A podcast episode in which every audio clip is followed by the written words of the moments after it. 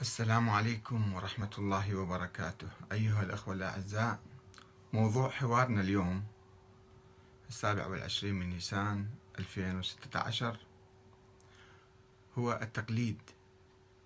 هل هو ظاهرة دينية صحية أم عادة سيئة وسلبية ودخيلة على الإسلام والتشيع وعلامة انحطاط ثقافي لدى المسلمين؟ أولا ما هو التقليد؟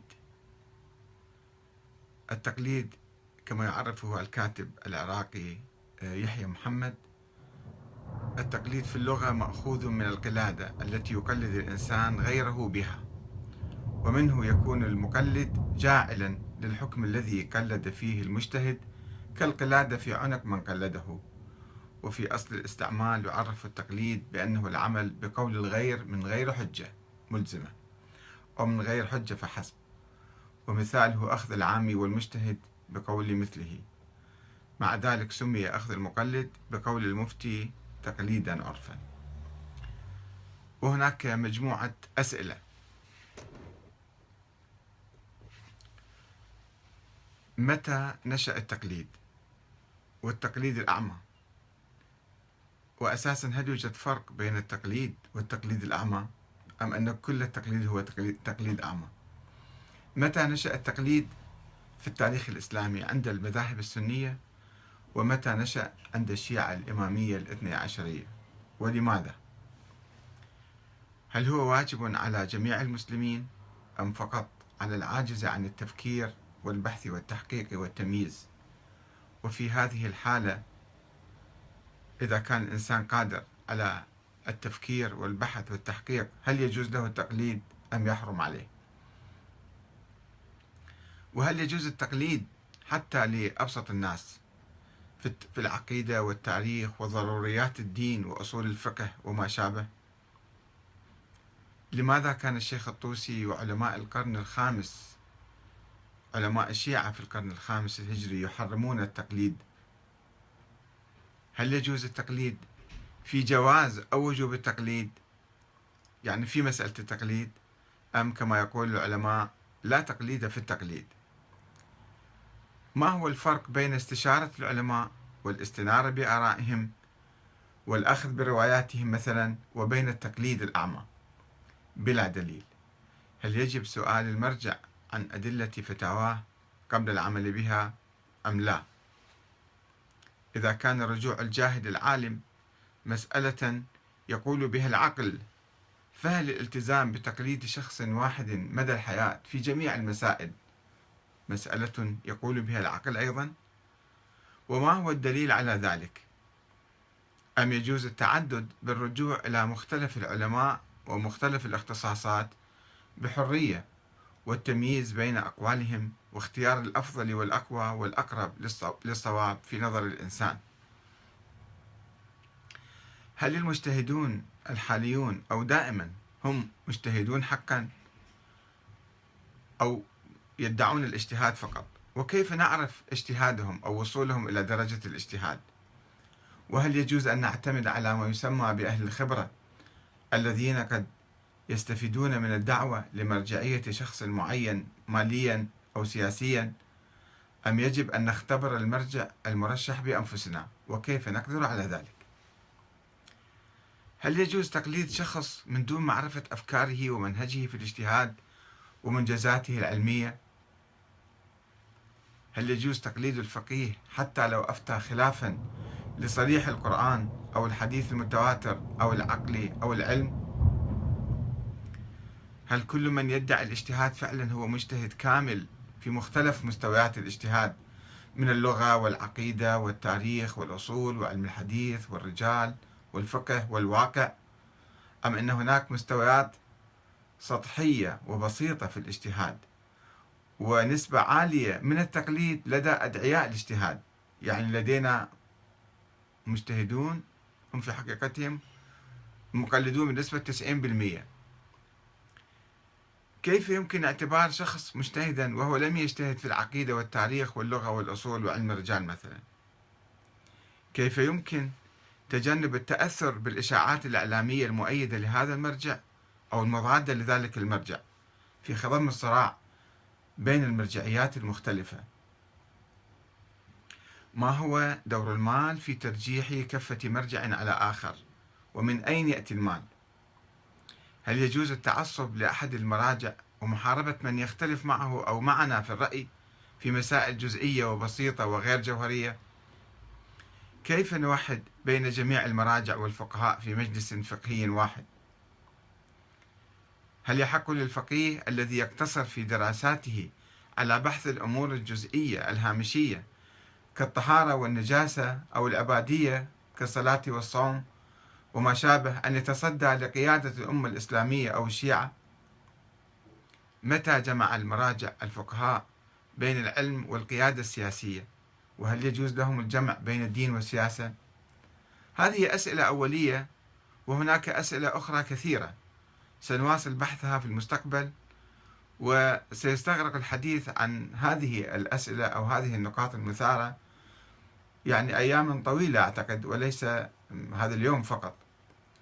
ونأمل بإذن الله تعالى أن يشاركنا الأخوة القراء والمشاهدون بطرح ما لديهم من أسئلة إضافية وتعليقات ومداخلات مشكورين.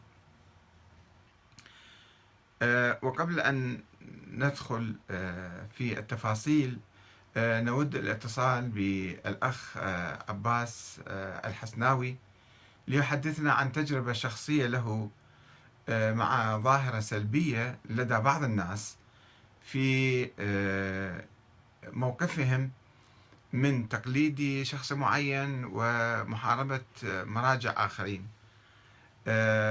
الآن نحاول الاتصال به ونرى رأيه إن شاء الله ثم نواصل الحديث.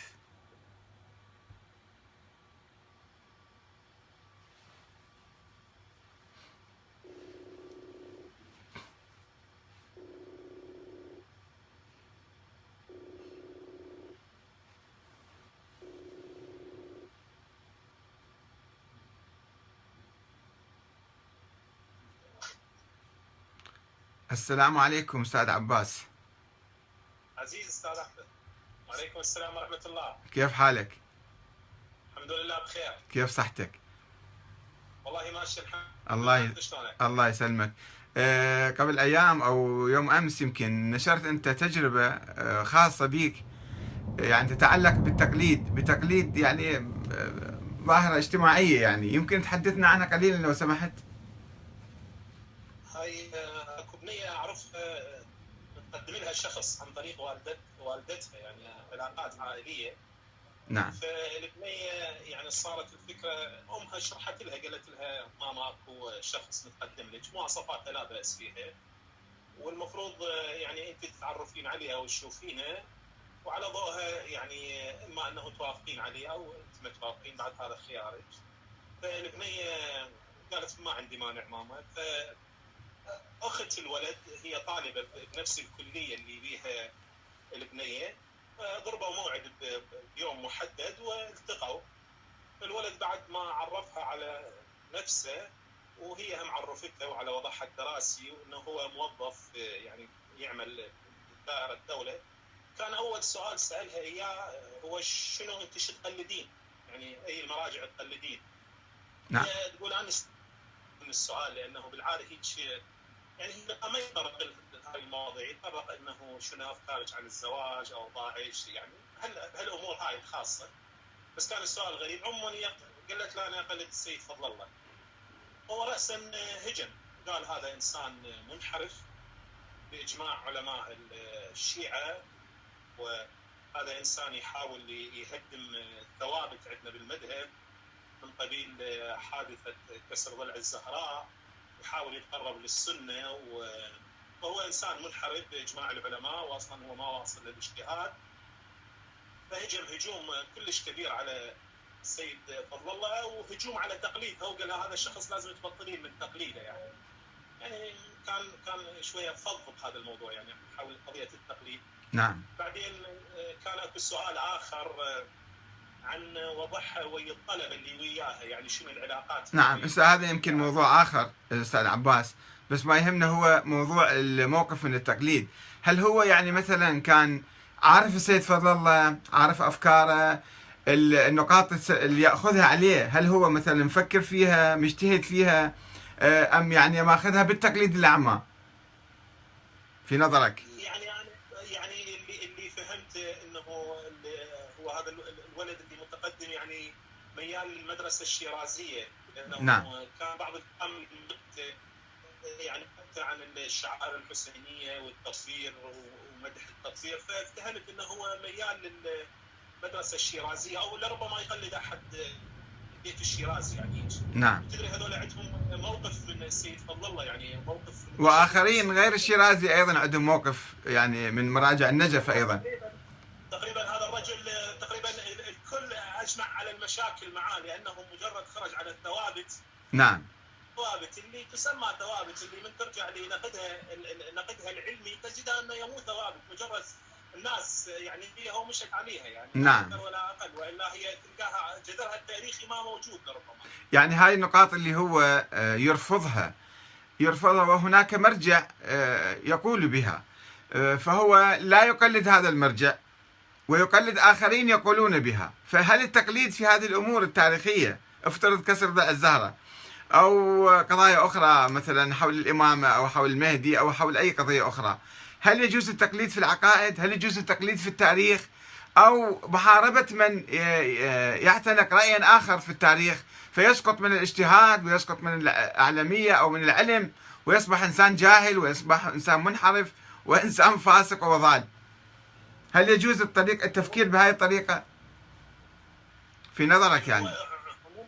عموم علماء الإمامية يقولون بأنه لا يجوز التقليد في أصول الدين. ربما هنالك يعني مرجع أو مرجعين خالفوا هذه القاعدة. لأنه نعم. في أصول الدين أنت أمام الله لابد أنه تأتي يوم القيامة وأنت باحث عنها ولو على مقدار فهمك ووعيك. نعم. يعني مو كل انسان مو كل انسان يدرس يعني يبحثها بالشكل يعني بالشكل ذاته. يعني العالم إلى طريقة للبحث والإنسان البسيط إلى طريقة للبحث. بس لابد إنه الإنسان يعني يصل إلى قناعة ذاتية خالصه يعني هو رأيه الخاص. هاي القضايا يعني قضية التوحيد، قضية العدل، قضية النبوة، الإمامة، الميعاد. وأهم شيء قضية التوحيد بالذات. يعني والمعاد اللي هذين الجذرين الأساسيين نعم. عقيدة التوحيد أو عقيدة الديانات السماوية. هذا لازم يبحث بشكل يعني دقيق مستقل. وبحث يعني مستقل. نعم. يعني الفقهاء يقولون إنه المقلد المقلد يقلد المقلد قضايا العبادات والمعاملات. نعم.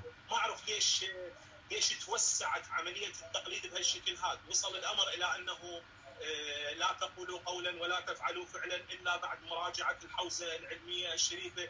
يعني معناها أنت المفروض تكون يعني لاغي عقلك لاغي تفكيرك لاغي وجودك. آه، خلاص أنت تنحصر شو يقول المرجع أو رجل الدين اصبح من المرجع إلى رجل الدين أو أي إنسان يلبس عمامه آه، نعم. يعني توسع الأمر توسع المطلب. بينما هي كانت بالأصل يعني مو مو هذا الحجم من الدور. يعني حقيقة يعني قبل حوالي 150 سنة ما كان هذا الدور لا في أصبحت مؤسسة صعب الخروج عليها صعب نقدها تلغله في كل مكان. فأصبحت القضية متداخلة ومعقدة. نعم. هل في نظرك هل تعتبر التقليد ظاهرة يعني مقبولة أم ظاهرة سلبية وسيئة ودخيلة على الفكر الإسلامي والتراث الإسلامي؟ يعني الإسلام انتقد هذا التقليد الأعمى. يعني بالنسبة للديانات الأخرى انتقد أنه يتبعون أحبارهم ورهبانيهم. ويطيعوهم طاعة عمياء. يعني أكو نقد لهذا الموضوع. آه، قضية رجوع الجاهل إلى العالم هي قضية عقلائية، إنسان ما يعرف بشيء يعني لابد أن يسأل، لكنه تصوير الدين وتصوير الأحكام الشرعية إنها معقدة إلى هذه الدرجة بحيث المكلف هو نفسه يقول أنا كل شيء ما أفهم، أنا إنسان جاهل ويصف نفسه بأوصاف كلش مذنيه في سبيل يبرز إنه رجل الدين والمرجع جاي يقوم بدور كبير جدا. بينما هي الحقيقة مو مو بهالمستوى يعني بالإمكان لأي مكلف أو أي إنسان يقرأ كتاب حتى الطوسي. يعني شنو رأيه بالصلاة ويقدر يطبقها؟ يعني ماكو هذا القيد إنه لابد أن المرجع يكون حي وموجود وعايش ولازم يتفاعل وياك. هاي قضية لا يجوز تقليد الميت ابتداء. ما أعرف منين اجتي نعم. عجيبة شلون دخلت على علينا إحنا مشكلة في الأحياء عندنا عندنا مشكلة في تقليد الأحياء اللي هم أشبه بالأموات. فكيف نقلد الأموات يا أستاذ عباس؟ ما أعرف المشكلة أنه يقول لك هسه أنا في يوم ما من الأيام صارت عندي مشكلة معينة وحقيقة في وقت أنا يعني السيد السبزواري بعد وفاة السيد الخوئي أنا أخذت رسالته العملية ونويت هذا الرجل يعني أرجع له بالتقليد. الرجل هم ما طول رحمة الله عليه ما طول مات قالوا بعد ما يصير لأن أنت ما بعدك ما عامل بالرسالة العملية فما قلت لهم يعني لو سؤال عندي. نفترض أنا رحت لمهندس وقلت له سوي لي خريطة بيتي. نعم. وسوى لي الخريطة ومات. يعني معقولة أنا أقول خلاص هاي الخريطة لازم اذبها ما يصير لأنه مات؟ نعم. بس الرسالة العملية شنو الفرق في أنه أجيب الرسالة العملية مال السيد الزواري أجيب شلون ولا أصلي لأن أصلا ما عندي إنه استنبط حكم شرعي شلون أصلي. اعرف هاي نعم. القيود اللي وضعت واكثار القيود يوم عن يوم بعد أكثر وأكثر. هاي راح تخلي ال- ال- الكيان الشيعي يفقد أهم ميزة اللي هي ميزة آه، إنه يؤمن بوجود العقل والحسن والقبح العقليين أصلا إحنا أصبحنا يعني هاي قضية الحسن والقبح العقليين مجرد كلام تنظيري ما له وجود بالواقع عند الشيعه ابدا ما له وجود. نعم. القرآن الكريم يقول فبشر العباد الذين يستمعون القول فيتبعون أحسنه. يعني ال- المؤمنين المفروض فيهم دائما يستمعون الأقوال المختلفة ويتبعون أحسن الأقوال. يعني بعد ما يفكرون فيها ما يقلدون تقليد أعمى لقول أي إنسان. الآن إذا تكون معنا يعني تستمر معنا إن شاء الله نحاول أن نبحث بعض ال- النقاط أو نجيب بعض ال- الأسئلة وإن شاء الله إذا عندك مداخلة أخرى فأهلا وسهلا بكم مرحبا. آه، من رخصتك الآن؟ نعم.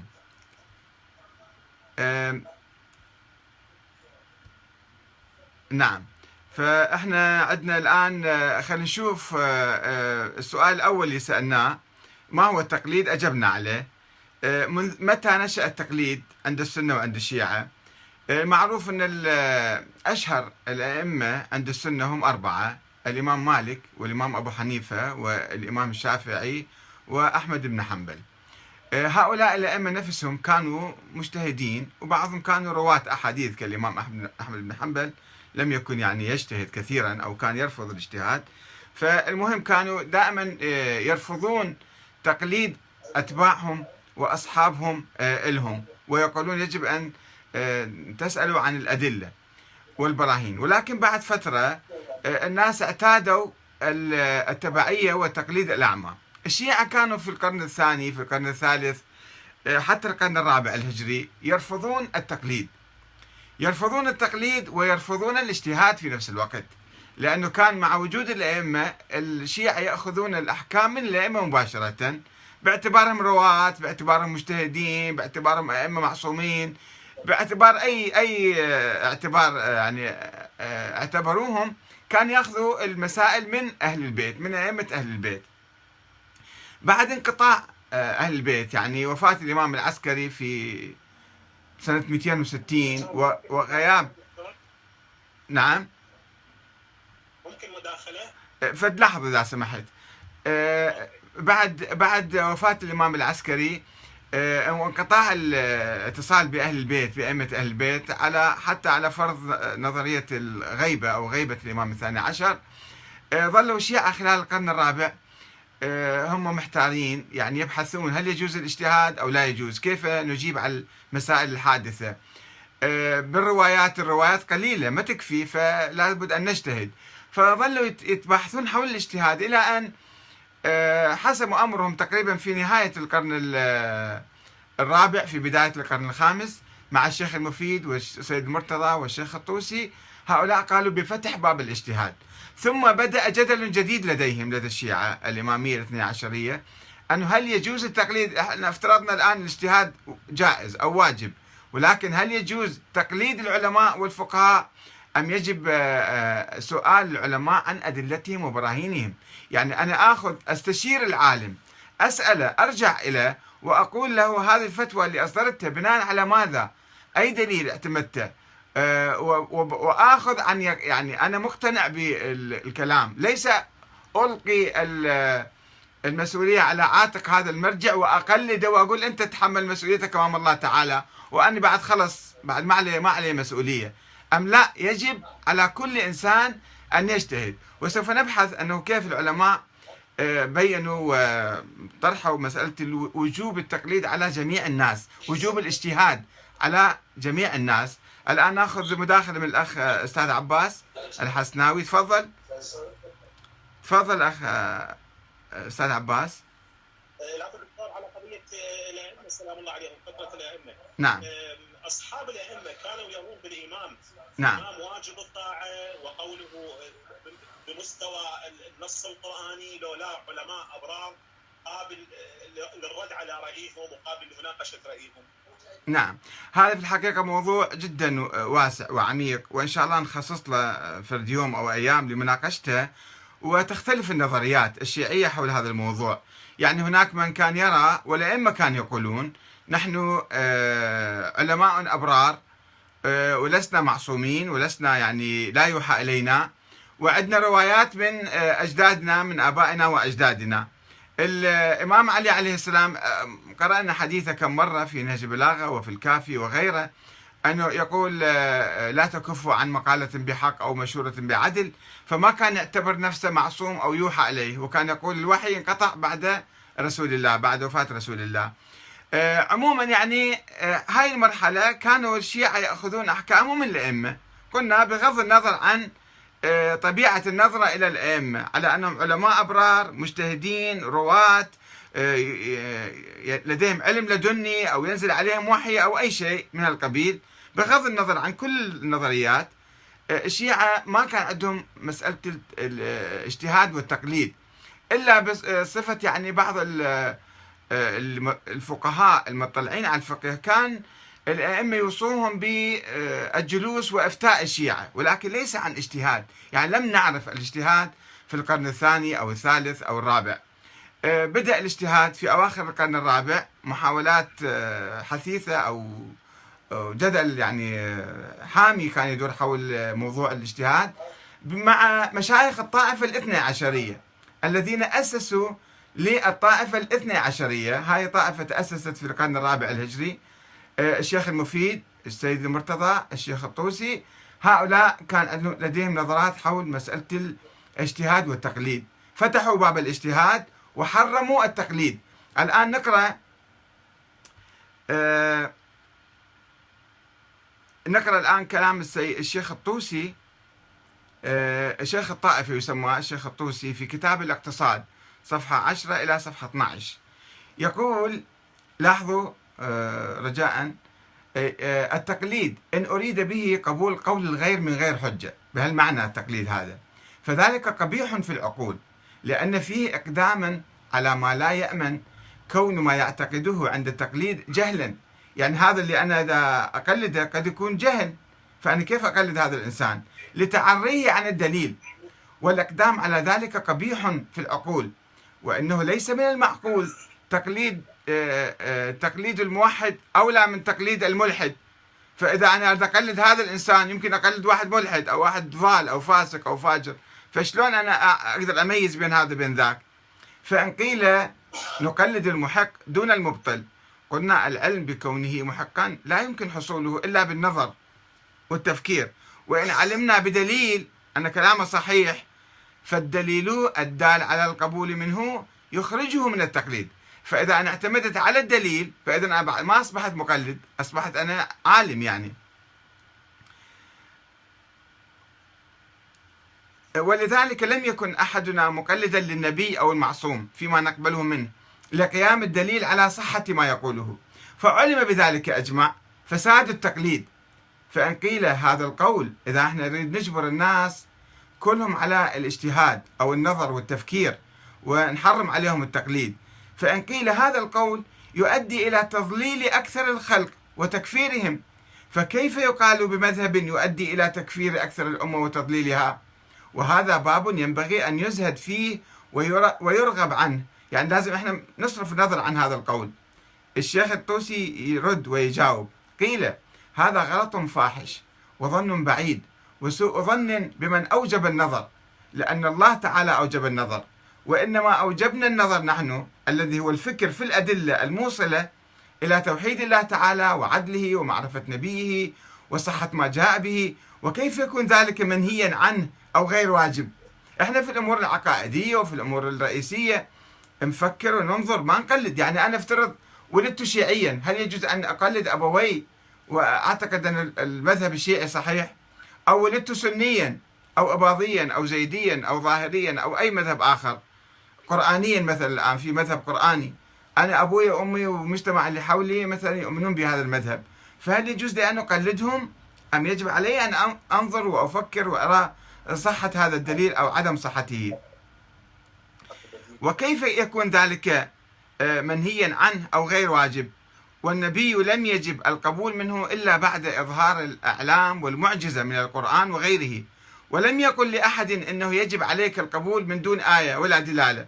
وكذلك تضمن القرآن من أوله إلى آخره التنبيه على الأدلة ووجوب النظر. أفلا يتفكرون؟ أفلا يعقلون؟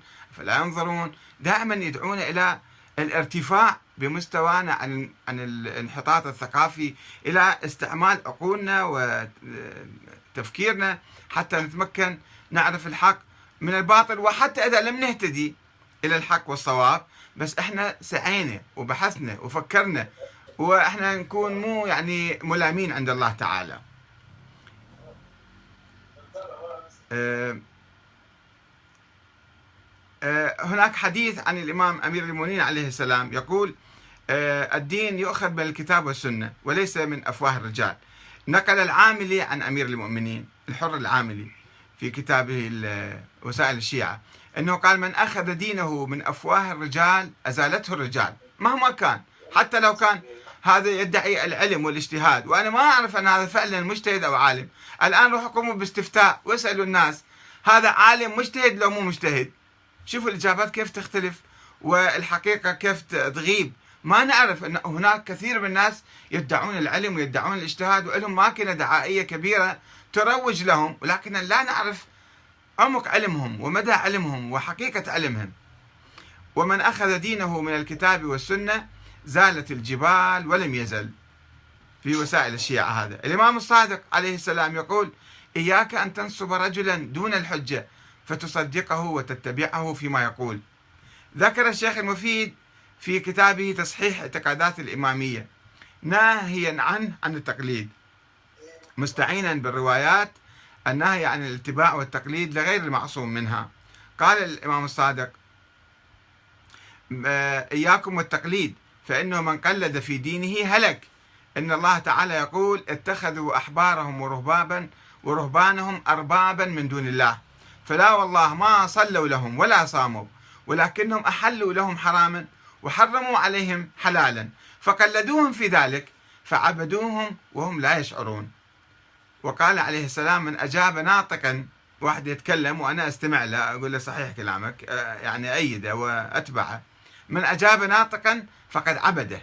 فإن كان الناطق عن الله فقد عبد الله. وإن كان الناطق عن الشيطان فقد عبد الشيطان. يعني هل إحنا نسأل هل هناك عالم يحللنا الحرام ويحرمنا الحلال؟ أنتم الآن انظروا جولة على أنا ما أتحدث ضمن الطائفة الشيعية فقط أتحدث عن عموم المسلمين.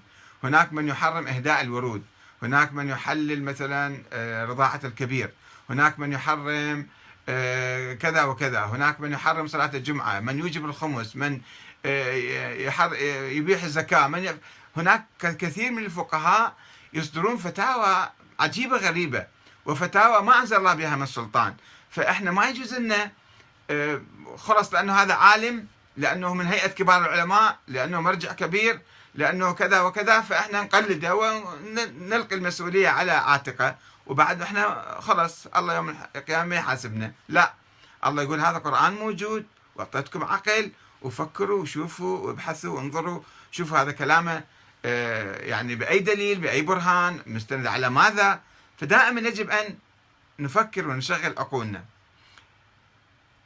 آه، وفي الحقيقة يعني يعني هناك آه، رواية يستعين بها دعاة التقليد. وهي رواية منسوبة للإمام المهدي منسوبة للإمام العسكري رواية فيها نظر وفيها كلام. أنه من كان من الفقهاء صانع لنفسه حافظا لدينه مطيعا لمولاه مخالفا لمولاه آه، لهواه فالعوام أن يقلدوه. هذه يتخذوها أنه إذا يجوز التقليد. أي واحد فقيه أو راوي طبعا هي الرواية ما تقول مجتهد تقول راوي أن يتبعوه. من كان من الرواة. السيد الخوئي هو محقق عالم كبير محقق مدقق بالروايات. وماذا يقول في هذه الرواية؟ يقول أساسا التقليد مسألة عقلية. يعني إحنا كيف نرجع مثلا دائما يقولون نرجع للطبيب المريض يرجع للطبيب الجاهل يرجع للعالم. هذا صحيح. يعني ولكن الطبيب إنت هذا إنسان مختص آه، يرجع. حتى لو أعطاك دواء مثلا إذا أنت عندك رشح بسيط أو مرض بسيط واعطاك قال لك روح سوي عملية. نقول له عجيب غير شو نسوي عملية؟ إنه هذه مسألة بسيطة يحتاج أسبرين يحتاج مثلا آه، دواء بسيط دواء قحد وكذا. مو أنا راح أسوي عملية. يعني إحنا أيضا ننظر إلى حتى فتاوى الأطباء أو يعني الوصفات تبعهم. فمو أنه كل طبيب آه، يعني إحنا نقلد تقليد أعمى. بالمعقول يمكن نتبع قوله إذا أنا ما عندي معلومات. أما إذا كنت أعرف حالي أنا عندي رشح بسيط آخذ لي حبة أسبرين أو بنادول راح أطيب فليش أرجع للطبيب؟ بعد ما أرجع للطبيب. السيد الخوي ماذا يقول؟ يقول بوجوب التقليد عقليا. أما بالنسبة للروايات فيرى أنه لا توجد روايات تدل على وجوب التقليد. ثم يقول: ثم أن التكلم في مفهوم التقليد لا يكاد يترتب عليه ثمرة فقهية، اللهم إلا في نزر القليل. وذلك لعدم وروده في شيء من الروايات. نعم ورد في رواية الاحتجاج وهذا مؤلف الطبرسي آه، مؤلف كتاب الاحتجاج في القرن السادس أو السابع. فيرى فأما من كان من الفقهاء صائنا لنفسه حافظا لدينه مخالفا لهواه مطيعا لأمر مولاه فالعوام أن يقلدوه إلا أنها رواية مرسلة غير قابلة للاعتماد. هكذا يقول عنها السيد الخوئي في كتاب الاجتهاد والتقليد آه، آه، صفحة 81 وبعد تضعيف الخوئي للرواية السابقة يصرح أنه لا دليل على وجوب التقليد إلا العقل. وإذا كان العقل دليل التقليد ففي العقل تفاصيل. أنه إحنا يعني نروح نراجع طبيب من أول حياتنا أول بلوغنا. طبيب معين إلى أن يموت أو إلى أن يموت ذاك الطبيب أم نرجع كل واحد باختصاصه. واليوم هذا الطبيب بكرة طبيب آخر بعد بكرة طبيب ثالث. يعني أي واحد نشوفه يفتهم. وإذا آه أخذنا دواء من طبيب وشفنا شفنا نفسنا ما أفادنا الدواء. نروح لطبيب آخر. فكذلك نمتحن الأطباء عمليا في حياتنا العملية العقلية. إذا يعني صحيح نرجع للأطباء ولكن مو إذا أعطانا دواء وما فاد أيضا نأخذ الدواء. نظل على ذاك الدواء وعلى ذيك الفتوى مدى الحياة. ما أحد قال فيها عقلا ما حد ما يقول بهذا الكلام. فإذا ما كان في مستند شرعي إلى إلى أساس التقليد. الدليل العقلي لا يقول بوجوب تقليد شخص واحد مدى الحياة مدى حياة المكلف أو مدى حياة ذلك المجتهد. كما أن في ارتكاب المشتبهات آه، عفوا يقول آه، آه، نعم نأخذ كلام آخر للشيخ محمد مهدي شمس الدين رحمة الله عليه أيضا. يقول مصطلح تقليد ومصطلح مرجعية غير موجودين أساسا. مصطلح تقليد أو مصطلح مرجعية هذان المصطلحان وما يرادفهما ويناسبهما غير موجودان في أي نص شرعي وإنما هما مستحدثان.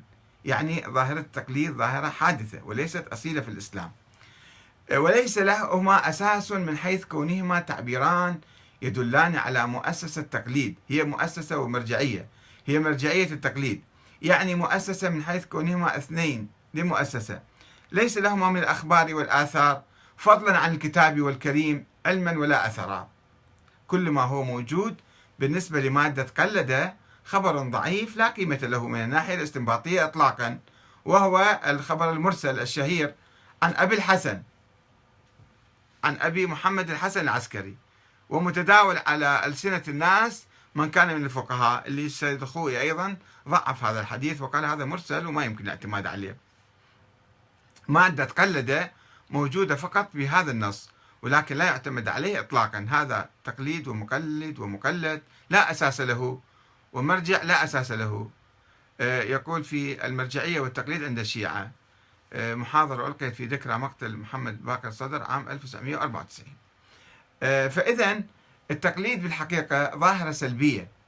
آه، والشيخ الطوسي وسنشوف علماء آخرين في زمانه قبل ألف سنة قالوا أن التقليد قبيح قبيح قبيح. لا يجوز التقليد. الآن نجي بعض الأخوة سألوا ونجاوب على سؤالهم أنه ما العمل إذا الإنسان غير قادر على الاجتهاد؟ خلينا نعرف أول أساسا أن التقليد ظاهرة حادثة وسلبية وقبيحة وليس لها أساس في الإسلام وفي التشيع وفي تراث أهل البيت. قرأنا آه، هاي الرواية اللي يعتمدون عليها آه، يمكن تراجعون مركز الأبحاث العقائدية التابع للسيد السيستاني يجاوب على هالسؤال لأنه التقليد لا هذا واجب وجائز وصحيح وكذا.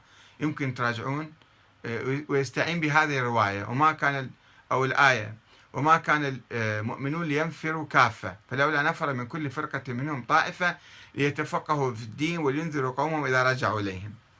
هاي في زمن النبي كانوا الإنذار والتفقه في الدين يعني معرفة الدين. يعني أنه مو كل الصحابة يروحون يهاجرون يجاهدون وما حد يبقى يم النبي. فإذا نزلت آية من القرآن ما حد ما راح يسمعها أو يحفظها. فكان يقول قسم يهاجرون أو يجاهدون وقسم يبقون يستمعون أو قسم يجون من بلادهم إلى النبي حتى يستمعوا القرآن فينذروا قومهم إذا رجعوا إليهم. يعني ما كانت عملية اجتهاد ولا عملية تقليد إنما هي عملية نقل للقرآن ليتفقهوا في الدين يعني يعرفوا أحكام الدين ويروحون ينقلوها. فهاي الآية ما تكون دليل على شرعية آه، التقليد لأنها أساسا لا تتحدث عن الاجتهاد تتحدث عن نقل القرآن نقل آه، أحكام الدين من النبي مباشرة. آه، يقول هذا الموقع موقع السيد السيستاني مركز الأبحاث العقائدية في جواب على شرعية التقليد فأوجب الله تعالى على طائفة التفقه في الدين وهو يشمل الاجتهاد. من أين جئت بكلمة يشمل الاجتهاد؟ وتحصيل الحجة على الأحكام. وطلب من آخرين الحذر العملي من أخبار المنذرين لازم يسمعون كلامهم يعني. وهو يشمل التقليد. يعني هذا استنباط عجيب غريب من الآية القرآنية. آه، حسب موقع الأبحاث اللي ما كاتب منه اللي مجاوب على الجواب. يعني الموقع تابع للسيد السيستاني ولكن هناك كثيرون يعملون في هذا الموقع ويجيبون حسب اجتهاداتهم. وأنتم انظروا في هذا الكلام هل هذا كلام صحيح أم كلام بحاجة إلى إعادة نظر؟ آه، يقول آه، الشيخ الطوسي أيضا بالإضافة لكتاب الاقتصاد في كتاب تلخيص الشافعي أيضا يؤكد على آه، قبح التقليد. يقول إن العامي لا يجوز أن يقلد غيره. بل يلزمه أن يطلب العلم من الجهة التي تؤدي إلى العلم. السيد ابن زهرة أحد علمائنا الكبار في نهاية القرن الخامس الهجري أو في السادس يعني في كتاب الغنية يقول لا يجوز للمستفتي أن يقلد المفتي لأن التقليد قبيح ولأن الطائفة الشيعية مجمعة على أنه لا يجوز العمل إلا بعلم. هذا يصبح ظن ظن على ظن. هو المجتهد ظان بحكم وأنا أبني ظني على ظنه فأنا راح أقع ب يعني بالجهل. وإنما أمر أهل البيت برجوع العامي إلى المفتي فقط. لاحظوا كيف يميز المسائل بدقة. رجوع العامي الجاهل ما يعرف مسألة شرعية يروح يسأل فد واحد عالم. رجوع العالم مسألة معقولة وطبيعية. أنا أرجع للعالم أسأله. ولكن إذا قال لي كلاما جديدا أو فتوى جديدة أخذها بدون نظر بدون تفكير بدون هذا يعني خلص ما ما كل ما يقول هذا الإنسان هو آه، صحيح. قد يكون إنسان عنده هوى قد يكون ضال قد يكون جاهل قد ما يكون عالم مباحث بصورة صحيحة فاسق. الله أعلم. فأنا يجب أن في داخلي يعني أنا ما أعرف الباطنه شنو هو. فما يجوز لي أنا اخذ من عنده راسا إنما أسأله عن الدليل. فأما فأما العمل بقوله تقليدا فلا. هذا آه، آه، صاحب الغنية. آه، يقول ابن السيد ابن زهرة. يقول التقليد ما يجوز. نرجع للعالم ولكن لا نقلده. والفائدة في ذلك أن يصير له بفتياه وفتيا غيره من علماء الإمامية سبيل إلى العلم بإجماعهم.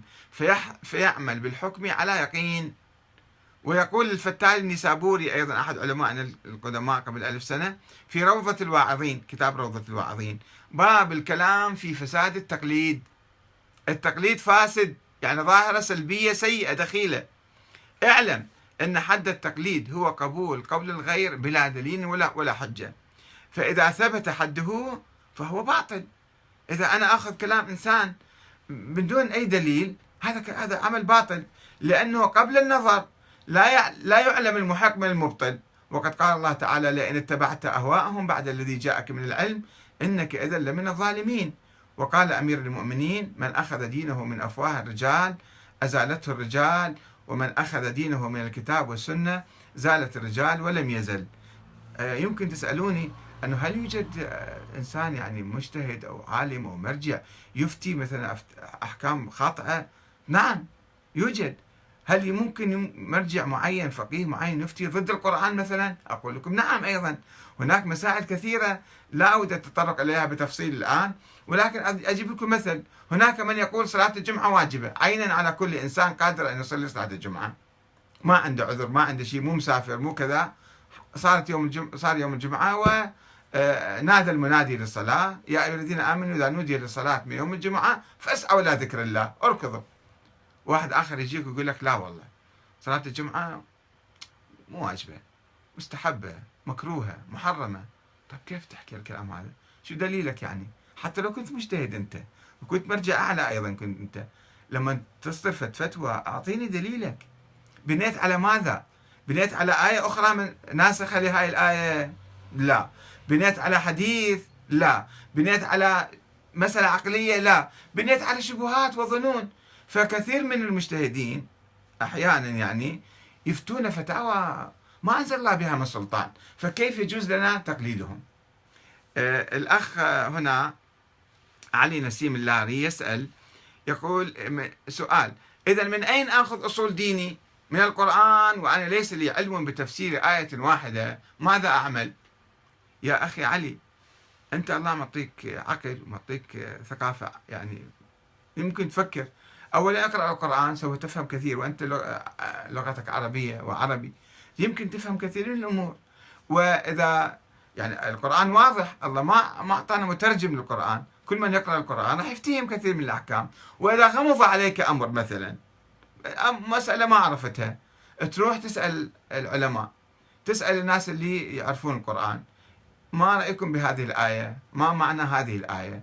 سوف يعطوك تفسيرات موحدة أو مختلفة. إذا أعطوا كل العلماء شرحوا لك كلهم متفقين خب تأخذ برأي يعني شوف تقتنع بالدليل تقتنع بالتفسير. وإذا كانت هناك آراء متناقضة أو آراء مختلفة فتنظر لماذا يقول هذا العالم كذا ولماذا يقول ذلك العالم آه، بشكل آخر.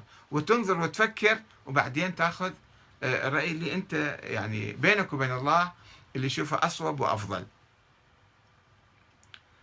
آه، هنا الشيخ الطوسي يجاوب. يجاوب يقول يعني إحنا عندما نقول أنه أنتم آه، يعني التقليد حرام وما يجوز يعني أنه أنتم انظروا للمسائل المختلف فيها فكروا وقارنوا بين آراء العلماء واسألوهم. لا لا تنظروا إلى اسم العالم وهيكله ومكانته والدعاية المحيطة به. اسألوا دائما عن دليل حتى تطمئنوا بينكم وبين الله أن هذا حكم آه، صحيح. آه، الكاتب العراقي الأستاذ يحيى محمد عنده كتاب مهم جدا في مسألة التفكير والاجتهاد والنظر أنه يعني ينتقد ظاهرة التقليد السلبية وكتاب علمي دقيق وجيد جدا يعني. ويقول كيف يعني نشأ التقليد عند أهل السنة خلافا لآراء أئمة أهل السنة الذين كانوا يرفضون التقليد. وأيضا آه، بعد ذلك نشأ عند الشيعة وكيف مال الغالبية في عصر الغيبة خصوصا المتأخرين إلى حلية التقليد. بينما ذهب القليل منهم إلى تحريمه صراحة كما هو حال السيد ابن زهرة الذي أعلن ذلك بقوله والشيخ الطوسي وغيره. آه، إذا مجتهد ما أعطى فتوى منافية للقرآن والأخلاق فيوجد من العلماء من ما يفند تلك الفتوى وبالدليل هل يعني أخذ بها يعني سواء كانت مخالفة أو موافقة. يعني الإنسان لازم يبحث عن الدليل. العالم أي عالم تسألوه أي سؤال في أي في أي موضوع في موضوع عقائدي في موضوع آه، أصولي في موضوع آه، تاريخي في موضوع آه، فقهي يعني ما ما, ما عندنا أصنام. كما قال الإمام الصادق إذا إحنا جعلنا العلماء أصنام وعبدناهم بدون حجة فهذا نوع من الشرك يصير بالله. نوع من العبادة إلى هؤلاء العلماء خاصة إذا حرموا الحلال وحللوا الحرام. فإحنا ما يجوز إحنا يعني آه، نتبع الناس اتباعا آه، أعمى.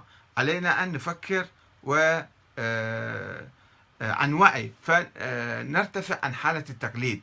إذا فكرنا ونظرنا وعرفنا الدليل طب إحنا صرنا علماء ما صرنا مقلدين بعد. وما لازم إحنا إذا في ناس جهلة وبسطاء جدا ما يعرفون ألف ب يقرون ولا يقرون ولا يكتبون. يعني هذولك معذورين أمام الله. بس الإنسان اللي يقدر يفكر ويبحث ويناقش. أيضا نقول له لا أنت لا تبحث لا تناقش. اجلس في مكانك وقلد هؤلاء العلماء وتنشأ عندنا ظاهرة تقليد سلبية في المجتمع. آه، والعالم واحد يعني يظل فئة من الناس أو فئام من الناس وقد يهدي فئام من الناس.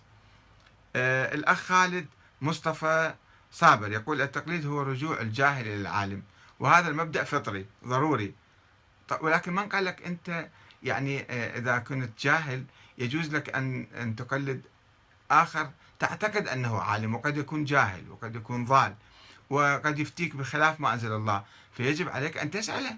حرام عليك تسأله. اسأله. اسأله. ما تخسر شيء. قل له هاي دليلك شنو؟ نطلع الفتوى من بطنك.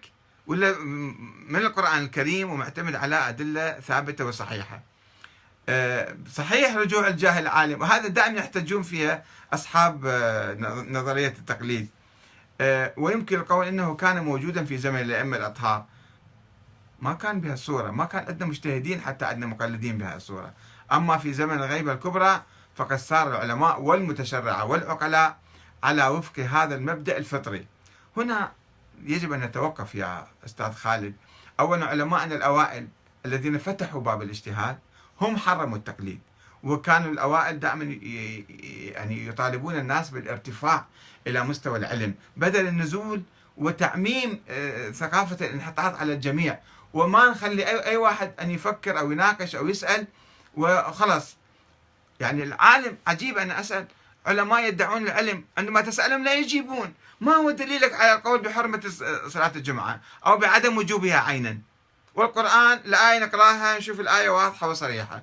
يا أيها الذين آمنوا إذا نودي للصلاة من يوم الجمعة فاسعوا إلى ذكر الله. فكيف يأتي فقيه؟ والآن عندنا فقهاء.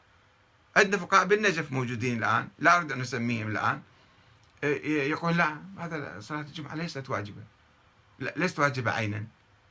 يعني هذا كيف إحنا نقلد هذا العالم؟ اذا يجب أن نفكر قليلا. آه الأخ خالد مرة أخرى يقول التقليد والاتباع في القرآن. وردت طائفتان من الآيات الشريفة تشير إلى التقليد والاتباع. الطائفة, الطائفة الأولى وهي وفيها الاتباع العلمي والشرعي حيث أشارت الآيات إلى اتباع الدليل العلمي العقلي واتباع من يملك ويتمسك بهذا الدليل قولا وفعلا. ومن تلك الآيات واخفض جناحك لمن اتبعك من المؤمنين. فإن عصوك فقل إني بريء ما تعملون. هذا شنو علاقة آية متعلقة بالنبي والنبي بده يوحى إليه إذا عصاه يصيرون. يعني مع الاعتذار من الأخ خالد هذا بعيد جدا عن موضوعنا. نتحدث عن التقليد. أه أي واحد يحب يراجع الكلام بالتفصيل هنا موجود. أنا عندي دقائق قليلة أراجع بعض الأخوة الآخرين الذين أه قد تداخلوا معنا حتى لا نحرمهم من المشاركة. أبو وائل محمداوي هل التقليد له دليل من أهل البيت؟ أجبنا على ذلك بأنه لا دليل. علماءنا يقولون هذا شيء حادث وسلبي محمد جواد يقول ممكن أستاذ تتكلم عن الموضوع من ناحية هل يوجد دليل من أهل البيت حول التقليد؟ أجبنا عنه. البث توقف. التقليد علي إبراهيم. التقليد ظاهرة صحية تماما بحكم العقل والمنطق في الفقه وغيره من العلوم حيث يرجع الإنسان لأهل الاختصاص والتساؤل عن أصل صحته. والتساؤل عن أصل صحته غريب مثلكم. نعم يمكن تساؤل والنقاش في تفاصيل الموضوع لا أصله آه، إحنا شفنا علماءنا يناقشون علماءنا الكبار السابقون مؤسسوا الطائفة شيوخ الطائفة الاثنى عشرية كانوا يحرمون التقليد ويقولون التقليد ظاهرة سلبية وقبيحة جدا. فالآن لأن العرف جرى أن التقليد بهالصورة هذه شخص واحد نقلده طول الحياة إلى أن نموت نحن أو يموت هو ولا نعرف كيف تطور اجتهاده كيف تطور علمه كيف حصل على العلم هل هو عالم أصلا هل هو جاهل هل هو مقلد؟ صدقوني أنا أعرف بعض العلماء أنا 30 40 سنة أعرف هذا مجتهد. بعدين عندما أحقق في كتبه ورسائله ومنهجه في الأصول ومنهجه في علم الرجال ومنهجه في الحديث أشوف هذا الإنسان في 90% هو مقلد. وبسطح من السطوح هو بعض الروايات يعني ينظر فيها ويعطيك من دون تحقيق في أي رواية من دون تحقيق في أي سند من دون تحقيق في أي أصل من أصول الفقه. محمد الأخ حازم جعفر فؤاد الموسوي ما هو الدليل على أن الأرض لا تخلو من حجة؟ هذا لازم نسأل الذي يقول بذلك. آه، فؤاد الموسوي آه، وهل يستفاد منه كدليل عقلي أم نقلي؟ يعني من قال بذلك؟ لا الأرض لا تخلو من حجة هذا كلام. أين الحجة ومن هو الحجة؟ آلاف الناس يدعون أنهم حجة الإسلام والمسلمين وآية الله العظمى في العالمين. حسن نور الدين التقليد هو سلب إرادة الناس وتحديد لتفكرهم ليس إلا. آه، الأخ أبو ياسر الساعدي آه، نحن نعرف أن من مات ولم يعرف إمام زمانه مات ميتة الجاهلية. آه، من هو إمام زماننا بالتأكيد؟ هو صاحب العصر والزمان. عجل الله فرجه. سؤالي من الذي نصب المرجع كمرجع للناس نأتمر بأمره؟ أعتقد أنها عرف به إشكال أو يعني أولا ذاك الحديث مو ثابت ولا صحيح. من مات ولم يعرف إمام زمانه مات ميتة جاهلية. يعني هذا ما موجود في القرآن الكلام. والحكم بالجاهلية والموت بالجاهلية هذا يحتاج آية صريحة بالقرآن آه، أو حديث قوي يعني أما أحاديث ضعيفة ويمكن نناقش فيها في وقت آخر. آه، مصطفى عباس أنا متفق معك مبدئيا لكن ماذا تقول لصاحب الأسرة الذي يأتي بيته ليلا لكي يكد على عياله؟ صحيح هو هذا يعني أيضا طرح هذا السؤال نفسه على الشيخ الطوسي. آه، فقال يعني آه، كثير من الناس طالب في الجامعة يدرس أو آه، صاحب عيال عنده يكد على عياله وما عنده وقت يدرس ويبحث. ولكن يعني هل يرضى لنفسه أن يمشي في في طريق ضلالة؟ لو كان هو يتابع فرد دين منحرف لو كان تابع مذهب منحرف من مذاهب في العالم لو كان تابع فرد مجتهد منحرف من المجتهدين في العالم هل يسمح لنفسه لنفسه أن يسير بهذا الطريق وهو أعمى وهو مسكر عيونه يعني؟ آه، أم عليه أن يفتح ويفكر؟ يعني هل نقول لكل إنسان ولد في بيئة معينة وهو جاهل وهو مشغول بأمور حياته أنه إذا لا تفكر في أمور دينك فلماذا تقلد آخرين؟ لماذا تقلد علمائك؟ إذا أنت كنت جاهل وما عندك قدرة على التفكير وما عندك وقت أصلا يعني تبحث في الأمور هل ترضى لنفسك أن تبقى جاهلا هكذا أم عليك أن تبحث وتفكر؟ يعني نحن نقول يعني علماء اثنين عندنا. ثلاثة أربعة. نروح نسألهم مسألة معينة. صلاة الجمعة يا علماء يا كرام يا مراجع يا سادة وأخوات. تقولون ما رأيكم في صلاة الجمعة اليوم؟ سؤال بسيط جدا. آية قرآنية صريحة موجودة في في سورة الجمعة. طيب يا أخوان يا علماء ما رأيكم؟ واحد يقول لك صلاة الجمعة واجبة حسب ظاهر الآية. ولا اجتهاد في مقابل النص. فقيه آخر يقول لك آه محرمة. لأنه لا يوجد الإمام المعصوم الذي يؤمر بصلاة الجمعة أو نائبه الخاص. واحد آخر يقول لك لا هي مكروهة مو محرمة يعني مكروهة. طيب واحد آخر يقول لك مستحبة. الآن عندنا أربع أو مباحة خمس خمس آه، آراء. واجبة محرمة مستحبة مكروهة مباحة. أنا أي أنا كمسلم مثلا وأؤمن بالقرآن الكريم هل يجوز لي تقليد هؤلاء الخمسة مع بعض؟ هل يجوز لي تقليد واحد من عندهم؟ تقليد تقليد أعمى. أم علي أن أفكر وأنظر؟ وأنا ما يحتاج أصلا أنظر في هاي المسألة لأن هي مسألة صريحة بالقرآن واضحة أصلا يحرم التقليد فيها. التقليد في الضروريات والواضحات لا يجوز. الصلاة اليوم صلاة الظهر أربع ركع. هل يجوز أن أقلد؟ مرجع يقول مثلا الصلاة آه، الظهر ثلاث ركع. هاي ضروريات الدين. أمور واضحة بديهية. لا يجوز فيها التقليد أساسا. وإذا افترضت أنا قررت أقلد أقلد أحد العلماء واحد يقول لي حرام ألا يجوز لي أن أسأل؟ ما هو دليلك على القول بالحرمة؟ أنت الذي تقول بالاستحباب وليس الوجوب العيني. ما هو دليلك على هذا الرأي؟ أنت الذي تقول بالكراهية أو بالإباحة أو بكذا. يعني ما يجوز لي أنا أسأل العالم ما هو دليلك؟ أنت تقول بوجوب الخمس. واحد آخر يقول لا بحرمة الخمس أو عدم وجوبه في المكاسب. واحد يقول في الاستحباب. مسألة 20 مسألة في 20 رأي عندنا بالخمس. فهل أنا أتبع إنسان معين بدون دليل؟ أو على الأقل أسأل دليلك شنو؟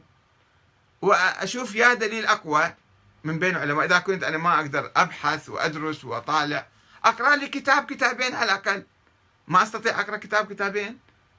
أو أقرأ لي مقالات. مو كتب مقالات. هاي ما شاء الله الآن الفيسبوك والإنترنت متيسرة لجميع الناس. أنظر شوية أبحث. أبحث وأرى الدليل الصحيح والدليل الأفضل. لو واحد جاء قال لكم آه، آه، أعطاكم فتوى مثلا أو رأي في آه، التخسيس في تخفيض الوزن مثلا وجربتوه شفتوه ما فاد تستمرون عليه أو تروحون إلى خبير مثلا آخر أو طبيب آخر. يعني يا إخوان خلي شوي نفكر. نحرك عقولنا لا نجمد على شخص واحد مدى الحياة. وما نعرف هذا مستواه العلمي. تطور تدهور نسى جهد آه، هوى صار عنده انحرف. وما شاء الله العلماء اليوم شيخ الازهر يصف ملك البحرين بأنه رمز العدالة والحكمة. أنت شيخ شيخ عالم. مفتي مجتهد الله أكبر. كيف تصف إنسان طاغية قاتل ظالم مستولي على السلطة بالقوة يرفض إعطاء الحرية لشعبه ودائما يقمع الناس ويسجنهم بلا سبب ويطردهم ويجيب ناس من برا؟ كيف تصفه بالعدل والحكمة؟ أين دينك؟ أين تقواك؟ يا شيخ الأزهر. ومثل شيخ الأزهر ما شاء الله عندنا شيوخ كثيرين اللي يعني يتبعون الهوى ويتبعون المصالح المادية ويفتون بغير ما أنزل الله. ف هذا موضوع جدا شيق وجدا مهم. وإن شاء الله إذا صارت فرصة أخرى نتابع أكثر وتقريبا وقتنا راح ينتهي. وأنا أشكر جميع الأخوة أشكر الأستاذ عباس الحسناوي ما أعرف إذا كان باقي معانا وإذا كان يريد يعلق أو يريد يداخل بعد كلمة أخيرة من الأستاذ عباس آه، الحسناوي. حتى نختم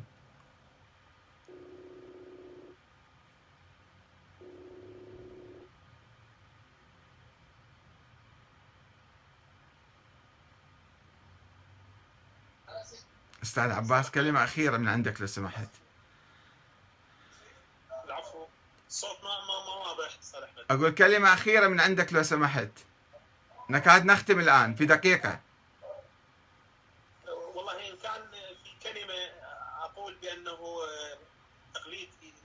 هاي المرحلة يحتاج إلى عملية تحديث ربما جعله مؤسسة وفيها متخصصين ورسم حدود للتقليد شيء مهم خصوصا مع الدنيا العولمة مع البيان العالمي لحقوق الإنسان أصبحت مثل هذه الأمور لابد من إعادة النظر فيها من جديد. شكرا جزيلا. شكرا جزيلا وشكرا لجميع الأخوة المتداخلين والسائلين والمحاورين. والسلام عليكم ورحمة الله وبركاته.